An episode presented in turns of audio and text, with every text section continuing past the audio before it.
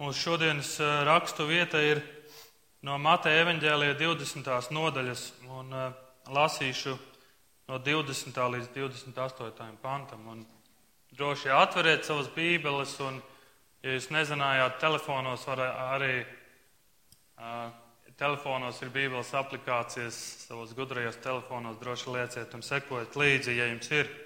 Mateja 20 no 20. līdz 28. pantam. Tad pienāca pie viņas Zebedeja dēlu māte kopā ar saviem dēliem. Nometās ceļos viņa priekšā un kaut ko lūdza. Jēzus viņai jautāja, ko tu gribi? Tā viņam atbildēja, saki, lai šie abi mani dēli sēž tavā valstībā, viens tev pie labās rokas, otrs pie kreisās. Jēzus atbildēja, jūs nesaprotat, ko lūdzat. Vai jūs varat dzert to biķeri, kas man būs jādzer? Tie atbildēja, varam. Viņš tiem sacīja, jūs gan dzersiet manu biķeri, bet sēdināt kādu pie savas labās vai pie kreisās rokas, tas man nepiederas. Tās būs tiem, kam mans tēvs to sagatavojas. Kad tie desmit to dzirdēja, tie noskaitās uz abiem brāļiem, bet Jēzus viņus pieaicinājis sacīja Jūs zināt, ka valdnieki tautas apspiež un viņu varenie ir varmācīgi pret tām, bet tā lai nav starp jums. Kas no jums grib būt liels, tas lai ir jūsu kalps, un kas jūsu vidū grib būt pirmais, tas lai ir jūsu vergs. Jo tāpat arī cilvēka dēls nav nācis, lai viņam kalpotu, bet lai viņš pats kalpotu un atdot savu dzīvību kā izpirkšanas maksu par daudziem. Āmen. Lūksim Dievu.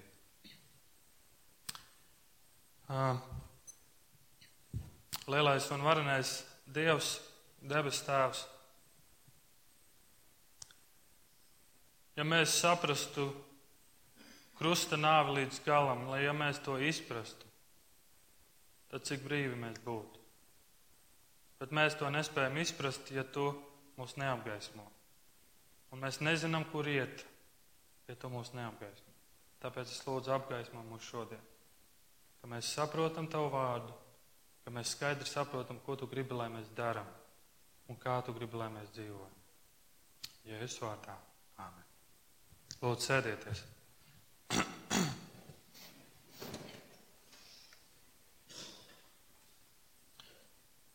Mūsu šodienas lasījums ir kāds notikums eh, par kādu jautājumu, ko uzdod divi jēzus mācekļi. Un ja jūs atceraties, un ja jūs Vīlandē nākat diezgan regulāri un sekojat, tad jūs e, noteikti ziniet, kur mēs atrodamies. Mēs atrodamies Jēzus pavēlēs, mēs runājam par Jēzus pavēlēm. Un, e, un šodienas tēma esiet kalpi. Un e, Marka evanģēlijā arī ir šis pats notikums aprakstīts, tikai tur nav māte. Tur paši mācekļi nāk un jautā šo, šo jautājumu. Vai jums kādreiz ir tā gadījies, ka jūs atrodaties draugu pulkā un, un saprotiet, draugi runā par kaut kādu tēmu, kur jūs galīgi neko nesaprotat? Un, un tad tu mēģini kā, iesaistīties un kā, kaut ko gudru pateikt vai kaut ko runāt. Ir, ir tā gadījies. Man ir tā gadījies, man ir tā vairākas reizes gadījies. Un tad tu beigās uh, tur par hokeju baigi nesekot spēlēm, bet es mēģinu kaut ko tur iesaistīt un pateikt. Un, un, un tad, jā, bet vai tu redzēji to un to, un vai tu zini to, to? Un, nē, nē, nu, tik ļoti jau es tur nesekoju un tā, un saproti, kad viņi saprot, ka tu pilnīgi neko nesaproti. Vai arī, kad tu runā par kādām autolietām, es kaut ko saprotu no automašīnām, bet ne ļoti. Un, uh, ieteikums jums, ja jūs baigi nesaprotat no automašīnām, nemēģiniet iztēlot, ka jūs saprotat, kā tā detaļa funkcionē un darbojas. Jo var gadīties, ka jums pēkšņi jāpaskaidro. Un tad ir tā sajūta, ka, nu, labi, labi, es jau tur neko nesaprotu. Un mūsu šodienas e, rakstu vieta un panti parāda, ka patiesībā arī mācekļi neko nesaprot, jeb nav sapratuši. Un, e, ja mēs skatāmies Marka evanģēlija, tad eh, desmitajā nodaļā ir rakstīts šis notikums, ka mācekļi atnāk jautā šo jautājumu. Un, Un šis jautājums tiek, eh, tiek uzdots pēc tam, kad Jēzus skaidro viņam to, ka viņš drīz mirs. Viņam jāmirst. Viņš dosies uz Jeruzalemi un tur farizē un rakstu mācītāji viņu nodos nāvei. Astotajā nodaļā Jēzus skaidro savu nāvi. Devītajā nodaļā Jēzus skaidro savu nāvi. Un desmitajā nodaļā Jēzus skaidro savu nāvi. Viņš saka, un viņš vēlreiz skaidro, mēs dosimies uz Jeruzalem un, un drīz tā stunda nāks, ka es miršu. Un viņš skaidro, ka viņš mirs un trešajā dienā viņš augšām celsies. Un, un pēc katras šīs skaidrošanas Kaut kas notiek, vai nu Pēteris kaut ko reaģē, kaut ko saka, un tur redzi, Jēzus viņu norāja, un Pēteris īsti nav sapratis. Un, eh, un tad, kad pienāk šī trešā reize, Jēzus atkal skaidro savu nāvi, Jēzus saka, mani mīļie mācekļi, mēs dosimies uz Jeruzalemi, mēs miršu. Ko dara mācekļi? Divi mācekļi pienāk un eh, tā kā pilnīgi nebūtu dzirdējuši, ko Jēzus skaidro un saka, un viņi pienāk un viņi saka, Klau, mums tev ir jautājums. Mums tev ir jautājums. Mēs, un mēs gribam, lai tu šo mūsu lūgumu izpildi. Un viņš saka, nu, ko tad jūs man gribat prasīt? Ko jūs gribat, lai es daru? Dod mums, ka mēs varam sēdēt tavā godībā, viens pa tavu labo roku un otrs pa kreiso roku. Šis notiek tieši pēc tam, kad Jēzus skaidro, ka viņam būs jāmirst. Kā tu justos? Es, es iespējams justos un skatītos uz viņu un viņam domātu, tiešām šo džeku dēļ man ir jāmirst. Viņi trešo reizi un viņi joprojām neko nav sapratuši. Viņi man jautā, lai viņi varētu sēdēt pa labo un pa kreiso roku. Mateja evanģēlijā tur vispār ir aprakstīts, ka viņi sūta māti pa priekšu, un nu, vecāku jūdu sieva, cienījama sieva, iet un viņu vietā šo lūgumu saka, vai ne? Paši neuzdrīkstas aiziet. Un liekas, cik, cik ētiski un korekti ir šai brīdī jautāt tādu jautājumu. Tu būtu izteicis līdzjūtību par to, kam Jēzus ies cauri. Viņa tāpat laikā Starp citu, vai mēs varam tev sēdēt pa labo un kreiso roku? Un tagad mēs visi skatāmies uz mācekļiem un sakam, viņi pilnīgi neko nesaprot, viņi nav neko sapratuši. Bet tad, kad mēs domājam par šodienas Jēzus sekotāju paudzi, kādu domā, vai mēs esam sapratuši? Vai šodienas Jēzus paudze ir sapratusi? Es nezinu, kā ir ar tevi, bet eh, es pats par sevi varu teikt, ka es mācos ļoti lēni. Jā, varētu teikt, lēni pielec. Un cik reizes neesmu izdarījis vienas un tās pašas kļūdas, un cik reizes nav bijis jāmācās vienas un tās pašas mācības. Un cik bieži mēs esam dziedājuši dziesmas par to, kā Jēzus cieta manis dēļ, mīra pie krusta un piedeva. Bet mirkli vēlāk mēs sūdzamies par to, ka cik slikta mums dzīve, un gribam raudāt par to, ka nekas nav izdevies, nav tāds komforts, kā mēs gribētu. Gribētu vairāk naudas, labāku darbu un gribētu draugus, kuri nekrīt uz nerviem. Un par debesu valstību mēs reizēm teorētiski šķiet, ka saprotam, ko Jēzus ir nācis darīt un kāds ir viņa mērķis. Bet tāpat laikā mēs liekas, ka cīnāmies ar pasaulīgiem līdzekļiem. Mārka 8. nodaļā Jēzus saka, kas grib man sekot, tas lai aizliet sevi, ņem savu krustu un seko man. Jo kas savu dzīvību grib glābt, tas to zaudēs, bet kas savu dzīvību zaudēs manis un evaņģēlīja dēļ, tas to izglābs. Un mēs to zinām. Un joprojām Mēs to zinām, bet mēs kaunamies no sevis aizliekšanas.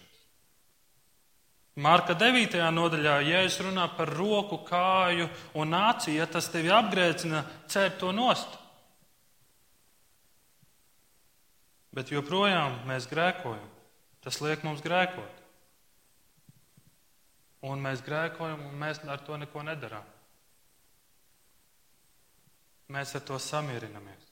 Marka desmitā nodaļa, Jēzus saka, vienas lietas tev trūkst, un šis bagāt, bagātais jauniklis nāk. Un Jēzus saka, vienas lietas tev trūkst, ej un pārdod visu, kas tev ir, un izdali nabagiem. Tad tev būs manta debesīs, nāc un seko man. Un mēs to zinām. Un mēs joprojām dzīvojam ilūzijā, ka Dievam patīk, ka mēs esam superjauki Un tāpēc, ka mēs esam superjauki, superkārtīgi, mēs domājam, ka Dievs mūsu elkus mūsu dzīvē nemaz nepamanīs.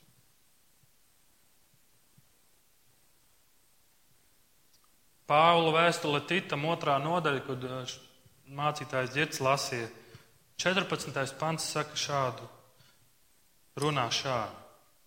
Viņš sevi ir nodevis par mums, lai mūs izpirktu no visas ļaundarības un šķīstītu sev par izredzētu tautu, dedzīgu uz krietniem darbiem.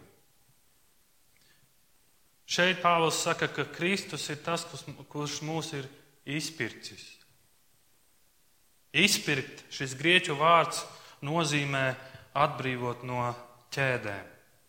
Tāpat kā Dievs atbrīvo savu tautu no Ēģiptes, no ļaunā faraona, tāpat Kristus ir tas, kurš nāk un mūs izved, izpērk, dara brīvus.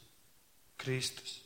Izpirkšana tā ir cena, tā ir samaksa, kas dod brīvību no gūsta. Krusts. Vīlandē mums priekšā ir krusts.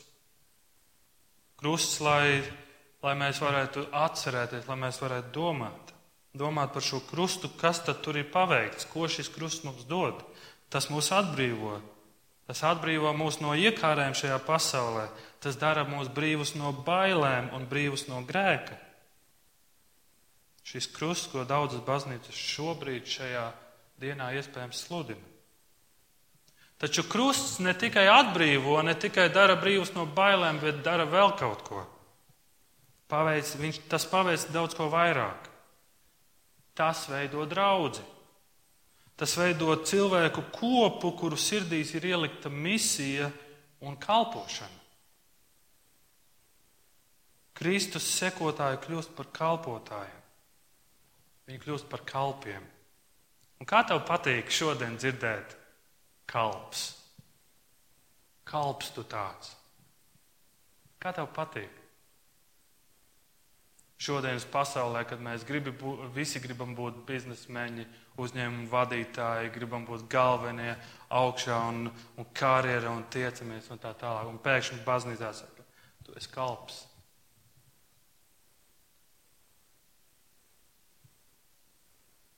Un Kristus sevi ir nodevis, lai mēs tādi kļūtu.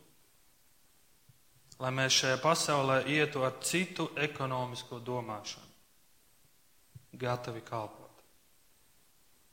Un šajā titam 14. otrās nodaļas 14. pantā mēs redzam divas lietas. Pirmā lieta ir, viņš nāk izpirkt mūs, tas nozīmē, mēs esam sagūstīti, mēs esam sagūstīti, un otrā lieta, viņš ir nācis, lai samaksātu briesmīgu un sāpīgu samaksu par tavu brīvību. Mēs esam sagūstīti. Vai tu tam piekrīti šodien?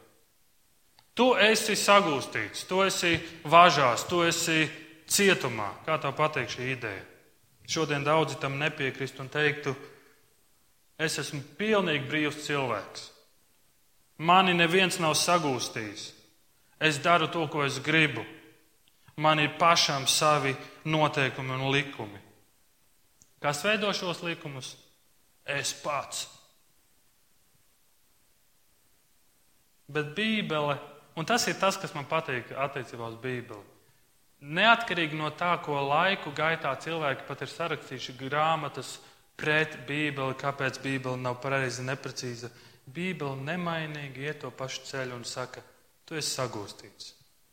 Un neatkarīgi no tā, vai tu to atzīsti vai nē, un ja tu to pat nespēji atzīt un ieraudzīt, tu esi vēl lielāks vergs. Tu esi vēl lielāks vergs. Un Bībele saka, ka par tevi valda šie ļaunie valdnieki. Kas ir šie ļaunie valdnieki, kuru gūstā mēs esam? Tas ir grēks. Mēs esam tādā grēka varā. Mēs esam pašu varā, un šī dziesma, ko mēs dziedām, glāb mani no sevis. Man liekas, cik spēcīgi vārdi. Glāb mūs no sevis, glāb, lai es savā dzīvē neesmu centrā, lai mana dzīve nav es, es, es, kad es visu laiku sevi aizstāvu savu pozīciju, kad tik mani kāds neaizskar.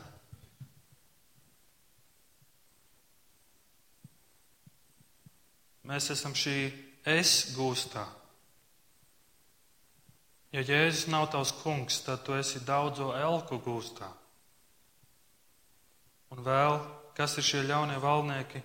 Tā ir bauslības gūsts, reliģija, ka tu domā, ka tu ar saviem darbiem kaut ko varēs panākt. Apskaties, cik regulāri es nāku, un apskaties, cik es daudz ziedoju, apskaties, ko es daru. Un tu domā, tas tev dos glābšanu. Vai mēs pamanām, cik lielā gūstā mēs esam? Un Pāvils citam saka, un tāpēc nāca Kristus, un viņš dod šo izpirkšanas maksu. Viņš ir tas, kurš mūs izpērk. Viņš ir tas, kurš mūs veido par brīviem un pilnīgi izmainītiem cilvēkiem. Kas ir šī izpirkšanas maksa? Kad ja mācekļi uzdod šo jautājumu, Jēzu, vai mēs varam būt tev pa labo un kreiso roku? Ko Jēzus saka? Viņš saka, pirmkārt, jūs nezināt, ko jūs lūdzat.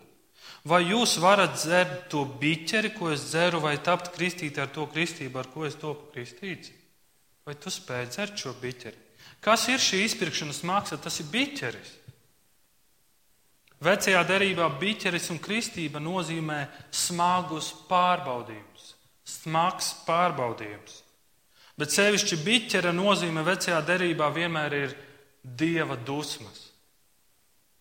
Iesies 51. nodaļā par to tiek rakstīts, kā Dievs dod savai tautai šo biķeri, tās ir dieva dusmas. Ecehiela 23. nodaļā atkal biķeris, dieva dusmas. Šī izpirkšanas maksa, ko Kristus ir devis, tas ir biķeris. Un man, es, es dzirdēju kādu piemēru, un man uz, uzrunāja šis piemērs eh, par mākslinieku un viņa mākslas darbu.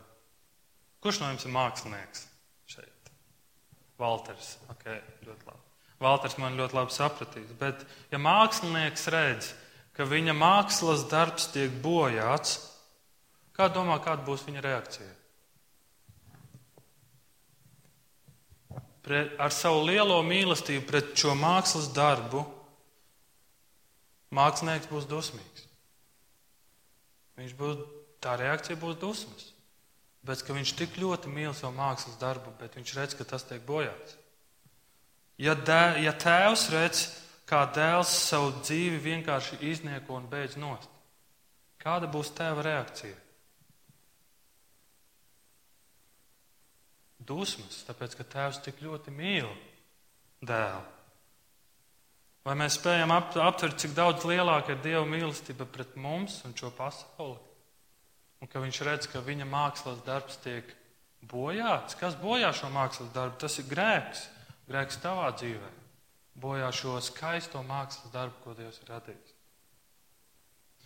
Un tad, kad mēs domājam par šo biķeri, ko Jēzus saka, mācekļi saka, un Jēzus saka, vai tu vari dzert šo biķeri? Mācekļi, jā, mēs varam, un Jēzus saka, ah. un redzi, cik Jēzus ir pacietīgs. Viņš saka, jūs nesaprotat. Jūs nespējat. Un viņš saka, jūs nespējat, bet jūs dzersiet. Interesanti, vai ne? Jūs nespējat, bet, bet jūs dzersiet. Vai mēs spējam iedomāties, ko Jēzum nozīmēja dzert šo biķeri?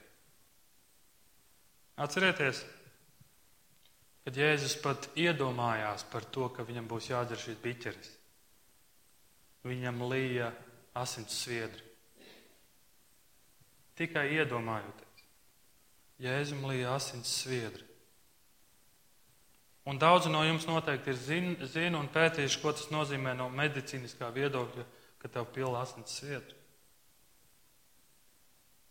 pats Dieva dēls nāk, viņš iedomājas par biķeri, un no tā, ka viņš iedomājas, viņam līst asins sviedri. Un man patīk, kā kāds mācītājs šo salīdzinājumu saka, tēvs sniedz dēlam biķeri un saka, pasmaržo. Un no tā, ka viņš pasmaržo, viņam jau metas nelabi.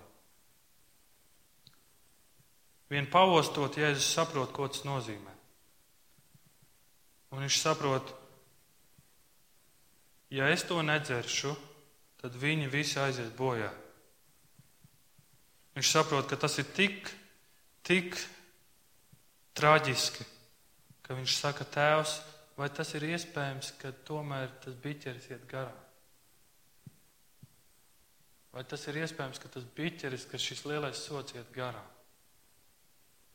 Bet, ja nē, tavs prāts, lai notiek, es to dzeršu. Es to dzeršu. Lūk, Kristus izpirkšana. Lūk, ko nozīmē šis biķeris. Lūk, ko darīja Kristus visas pasaules dēļ. Un viņš to darīja pat zinot, ka daudzi to ignorēs, daudzi uz to spļaus, daudzi to tam neklausīs un teiks, es dzīvoju tā, kā es gribu dzīvot. Man tas nav vajadzīgs.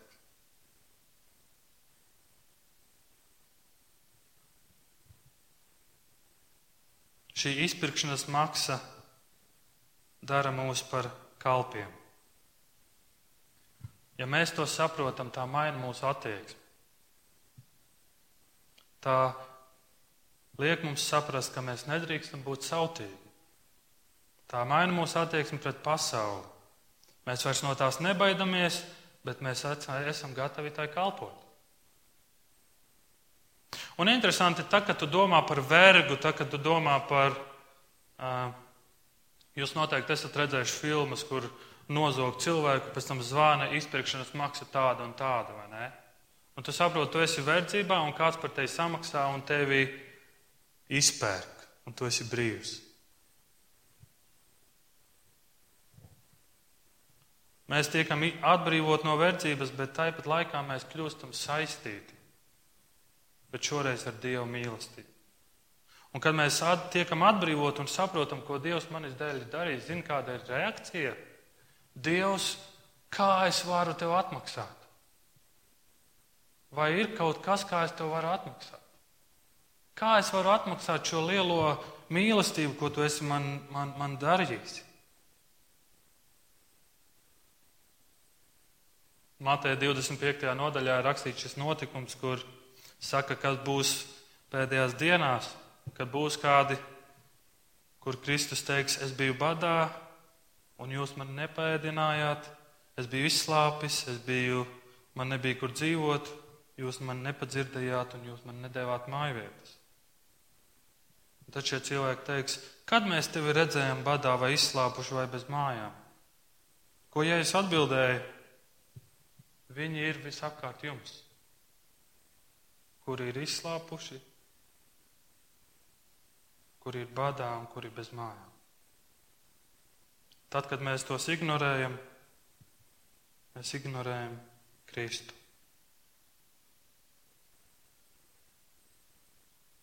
Kad mēs saprotam Kristus cenu, mūsu atbildes reakcija ir mazākais, ko varu darīt, ir būt kalps. Mazākais, ko Kristu es varu darīt tev, ir būt tavs kalps. Man vairs nav jāuztraucas, ko citi par mani teiks. Man vairs nav jāuztraucas par to, vai būs pateicība no citiem vai nebūs. Man vairs nav jāuztraucas par prestižu. Man jāseko Kristum un jākalpo tiem, kuriem ir vajadzība. Bet šodien ir tik daudz vajadzības.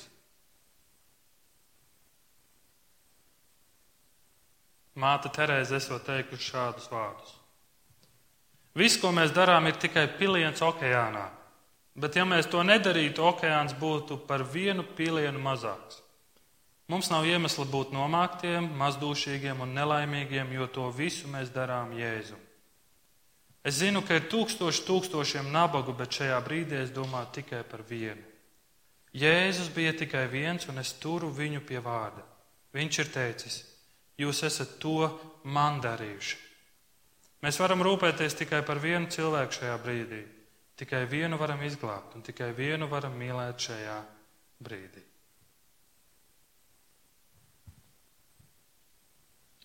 Kristus ir tas, kurš mūs dara par citādiem cilvēkiem. Viņš maina mūsu dzīvi un viņš veido mūs par kalpiem. Bet mēs esam tādi kalpi, kuros ieklausās, kurus Dievs novērtē un par kuriem rūpējas.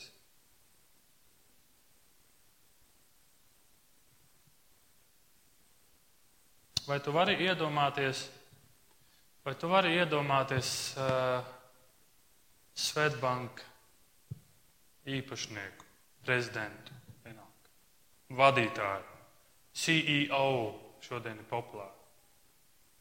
Ka viņš vakarā beidz darbu, un viņš iet no sava oficiāla, viņš noiet lejā un tur redz apkopē rītīgi mazgā, mazgā grīdas un, un tīra un tā tālāk. Un viņš redz, tā apkopē ir nogurusi. Nu, tikai iedomājas, viņš redz, šī apkopē ir nogurusi, viņš pieiet klāt aizēj apsēdies, es pabeigšu tavā vietā. Un viņš sāk mazgāt, un tad viņš saka, lūdzu, ņem manas mašīnas atslēgas, brauc mājās, es aizbraukšu mājās ar autobusu. Tu vari kaut ko tādu iedomāties?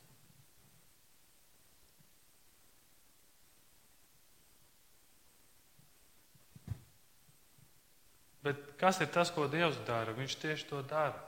Lielais Dievs, kurš radīs pasauli, viņš atnāk uz zemi un saka, Nevis jūs man kalposiet, bet es jums kalpošu. Un viņš sāk mazgāt mūsu vietā. Iedod atslēgas un brauc mājās atpūties. Kristus saka, es esmu nācis, lai jums kalpotu. Ko jums darīt? Skatieties no manas piemēra. Esiet gatavi darīt tāpat, lai jums ir tā attieksme tā kalpa attieksme. Jā, reizēm mēs dusmojamies par to, ka draudzene man nav pat paldies pateikusi par visu, ko es esmu darījis. Jā, mēs ziedojam, mēs iespējams ziedojam, cerot, ka kāds to novērtēs. Reizēm mēs kalpojam un cenšamies domājam, varbūt kāds to ieraudzīs un man būs savā ziņā kāds gods. Bet tie no jums, kas ir kalpošanā, kas zina, kas ir kalpošana, vai nu draudzē, vai ārpus tās, jūs sastapsieties ar šiem mazajiem biķerīšiem.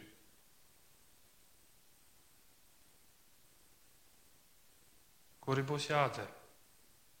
Un iespējams, tev nevis pateiks paldies, bet vēl nolamās par to, kāpēc tu neizdarīji tā, kā es to gribēju izdarīt. Sekojot Kristum, tu dzersi šos biķerīšus. Nevis tādu biķeri, ko Kristus ir dzēris. Ne to, ko Kristus dzēra. Un mēs redzam šo Kristus piemēru. Viņš ir ģēdzemanis dārzā. Viņš ir satraucies par to, kas notiks. Viņš zina, ko nozīmē šis biķeris. Un viņš aiziet pie mācekļiem. Viņš saka, Palieciet ar mani nomodā. Atcerieties to notikumu. Viņš saka, palieciet ar mani nomodā. Es esmu satraucies. Esiet ar mani lūgšanās. Es esmu, es esmu satraucies. Ja es aiziet atkal, lūdzu, Dievu, atnāk atpakaļ. Kas notika? Ko, ko tu redzi? Mācekļi šlāfeni. Viņi guļ. Mācekļi guļ. Un ja es saku, mana dvēsele ir satriekta līdz nāvei, palieciet ar mani nomodā, bet kas te notiek? Viņi guļ. Sīmani, tu guli? Tu vienu stundu nespēji būt nomodā? Un tad viņš savā pazemībā, un, un redz, cik Kristus ir pacietīgs. Un savā pazemībā un pacietībā viņš saka, esiet nomodā un lūdziet Dievu, ka nekrītat kārdināšanā. Un viņš dod vēl pamācību. Viņš saka, gars ir apņēmīgs, bet miesa ir vāja es šai brīdī es nezinu, ko es, ko es būtu izdarījis. Bet Kristus tur redzi, ko viņš dara. Arī šādā brīdī viņš kalpo. Ko Jēzus dara, kad redz mācekļi guļ? Viņš kalpo, viņš iedrošina, viņš ir pacietīgs. Ko tu dari ar tiem, kas ir kas guļ, kas ir nepastāvīgi? Ko tu dari ar tiem, kas ir nepacietīgi? Ko tu dari ar tiem, kuri noguļ tavas dzīves visgrūtākos mirkļus? Kāda ir tava reakcija? Kāda ir tava attieksme pret tiem, kuri vienmēr tikai no Jēzus kaut ko prasa un prasa un prasa, un Jēzu dod un dod un dod, bet pretī neko nevēlas dot? Ko tu dari? Kāda ir tava reakcija pret to? Tu dusmojies un pieprasi no viņiem.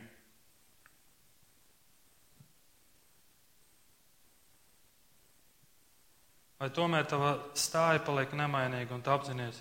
Es esmu Kristus sekotājs, esmu Kristus kalps. Un ja man šīs biķerītes, mazais biķerītes, pat nesalīdzināms ar ko, to, ko Kristus ir dzēris, man jādzer, es to dzēršu. Lūk, kādus Kristus vēlas mums redzēt. Vai tu esi atmetis uz kādiem cilvēkiem, jeb kādas cerības?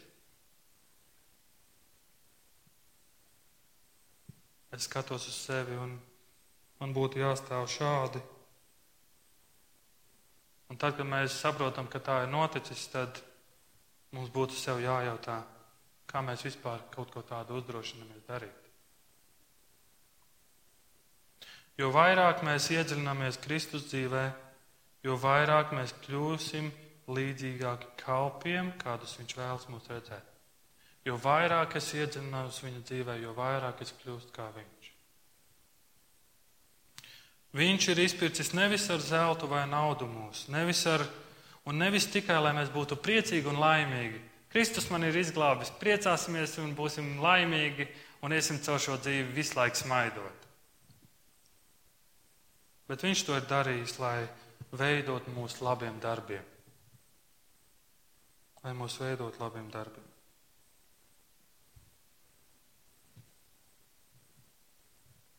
Un pašās beigās. Pēc šī notikuma, kad viņam ir saruna ar mācekļiem, mācekļi jautā šo jautājumu, Jēzus saprot, ka viņi pilnīgi neko nesaprot, un viņš atkal pacietībā viņiem kalpo un viņiem izskaidro. No 46. panta tur ir notikums, kad viņš, nu, viņi nonāk Jērikā un tur ceļa malā sēdēja kāds akls ubaks, Bartimējs. Izdzirdis, ka tas ir Jēzus no nāceretes, viņš sāka kliegt un sauca: Jēzu, tu Dāvida dēls, apžēlojies par mani! Un daudzi to apsauca, lai viņš apklustu. Bet viņš kliedza jo skaļāk: Dāvida dēls, apžēlojies par mani! Jēzus apstājies, sacīja: Sauciet viņu šurp! Un tie aicināja aklotam sacīdami: Esi drošs, celies, viņš tevi sauc, un savus svārkus nometis, viņš pielēc kājās un nāca pie Jēzus. Un Jēzus viņam jautāja. Un šeit ir tas pats jautājums, ko Jēzus jautā saviem mācekļiem. Ko tu gribi, lai es tev daru? Aklais sacīja, Rabūni, kaut es varētu redzēt. Jēzus viņam sacīja, ej, tava ticība tev ir, tev ir dziedinājusi. Un tūlīt viņš kļuva redzīgs un sekoja Jēzus ceļā. Bārtiņš zināja, kas ir Jēzus. Un viņš zināja, ko viņš grib no Jēzus. Viņš teica, es gribu redzēt. Jēzus uzdod šo pašu jautājumu mācekļiem, un saka, ko jūs gribat? Un viņi saka, es gribu slāvu, es gribu labu vietiņu, es gribu ērtības. Bet Bārtiņš grib redzēt. Andrew Sečs no Anglijas vienā no savām grāmatām raksta tādu interesantu teikumu. Garīgi spriežot, kristietis nekad nestāv uz abām savām kājām. Katrs solis, ko spēram, ir atkarīgs no Kristus apgaismības. Katrs solis, ko spēram, ir atkarīgs no tā, vai Kristus apgaismo vai nē.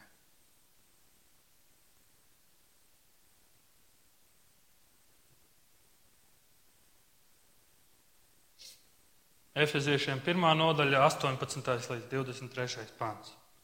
Lai jūsu gara acis būtu apgaismotas, un lai jūs zinātu, kas ir viņa aicinājuma cerība un kādu godības bagātību iemanto viņa svētie. Lai jūs zinātu, cik neizmērojami liela ir viņa dievišķā varenība, kas darbojas pie mums ticīgajiem. Šī varenā spēka darbību viņš parādīs Kristū, augšām celdams to no mirušajiem un sēdinādams pie savas labās rokas debesīs. Augstāk par katru valdību, vāru spēku, valdīšanu un par visu citu, lai kādā vārdā arī to nosauktu, nevien šajā laikā, bet arī nākamajā. Visu viņš ir nolicis zem Kristus kājām, bet viņu pašu kā galvu pāri visam ir devis draudzēji, kas ir viņa miesa, viņa piepildījums, viņa, kas visu, visur piepilda. Lai jūsu gara acis būtu apgaismotas, lai mūsu lūkšana ir, ka Jēzus jautā, ko tu gribi? Kristu es gribu redzēt. Es gribu saprast. Es gribu redzēt un saprast, kādu tu gribi mani redzēt ikdienā. Mīļie, bez Kristus mēs to nesapratīsim. Bez Kristus mēs nevarēsim būt par tādiem kalpiem, kādus Viņš grib mums redzēt. Tu domā, mācekļi kaut ko nesaprot. Man liekas, arī mēs kaut ko nesaprotam. Lūksim Dievu.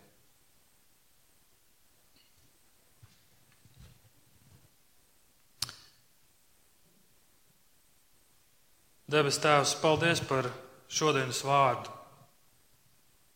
Un paldies, ka neatkarīgi no tā, ka arī mēs nesaprotam un krītam tajās pašās lietās un pieļaujam tās pašas kļūdas. Tu mūs pacietīgi pieņem, mūs māci, mūs tīri un par mums rūpējies. Tu mums kalpo.